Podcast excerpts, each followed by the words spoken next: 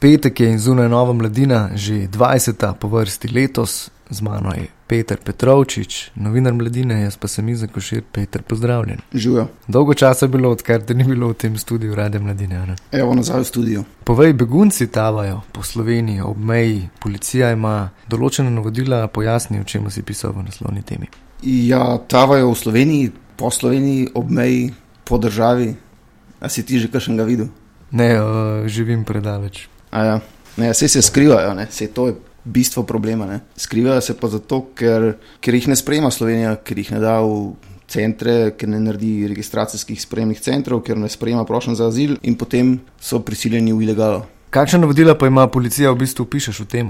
Ja, ja, to so pa navodila, ki jih je v bistvu razkrila civilna inicijativa Infokolpa. Mimo grede, oni imajo danes ob 11. pa potem tudi ob 6. popoldan v ZRC SAZU tiskovko in predstavitev teh, tega poročila, v katerih je tudi navodilo policije, navodilo generalnega direktorja Simona Veličkega objavljeno. To je sicer cenzurirano, policija ga skriva, čež da bi vplival na postopke, ampak Jasno je, da odkar je to navodilo bilo izdano eh, maja lani, so se povečali ilegalni prihodi, pa absolutno zmanjšale število vloženih prošenj za azil. Kaj pa pravijo številke, koliko ljudi, ki je dejansko utonilo oziroma umrlo v reki Kolpi in pa koliko je dejansko teh prehodov? Ne? Vemo, da določeni mediji zelo napihujejo te številke, politiki izkoriščajo to za svojo politično agendo.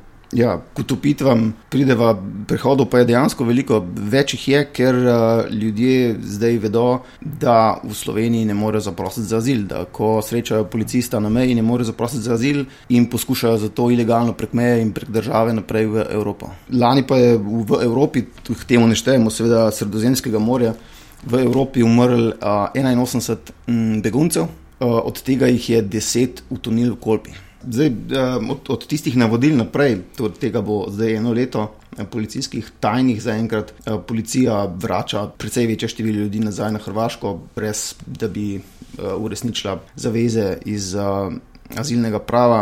Lani so jih vrnili 4653, leto predtem zgolj 700 Torej, dejstvo je, da na slovenski meji, slovensko-hrvaški meji, zdaj begunci dobijo jasno sporočilo, da azila ni in da morajo iti nazaj na Hrvaško, v Bosno, in potem se ta njihova pot nadaljuje spet nazaj v Slovenijo, pa nazaj v Bosno, pa v Slovenijo, pa v Bosno. Kaj pa slovenska vlada je pripravljena reševati ta problem ali smo še vedno na istem kakor takrat, ko je bil premijer še Cerar. Ja, zdaj smo na istem, uh, smo na tem, da bomo krepili mejo, postavili več žice, več ograj, več policistov in vojakov poslali na mejo in uh, še uspešneje zavračali in vračali ljudi. Prav to pa je osnovni predpogoj tega, da je več ilegalnih prehodov meje in uh, dokler ne bo vlada se lotila tega uh, vprašanja skladno z mednarodnimi zavezami in vzpostavila enega, dva, tri registracijske centre in sprejemala prošnje za azil, ne glede na to, kako potem od njih odloča, bo stanje tako, vedno več bo ilegalnih prehodov meje. Hvala, Peter. Več pa si preberite v Novi mladini, vsekakor zelo zanimivo branje tudi na spletni strani. Povej, kaj si lahko še preberemo v Novi mladini, poleg intervjuja s kandidatko za evropsko poslanko, ponovno Tanjo Fajon, eh, socialno demokratko. Ja, v mladini se vedno prebere veliko zanimivega. Je pa Jure Trumpuš je napisal en lep tekst o uh, beli ženski in črnih rokah na njej. To je tudi vredno prebrati. Še posebej, če ste opazili te plakate po Ljubljani in še marsikje druge. Ja, zvedeli boste zakaj. V Narodni galeriji pa je razstava, ne boš verjel, Alana Forda, legendarnega kultnega stripa še iz časov Jugoslavije, takrat, ko mi dva, seveda, še nismo bila rojena. Ja, pa je razstava, kakršne še ni bilo. Okay, potem pa na mladosti in na mladino, pero hvala za obisk. Gremo, ajde.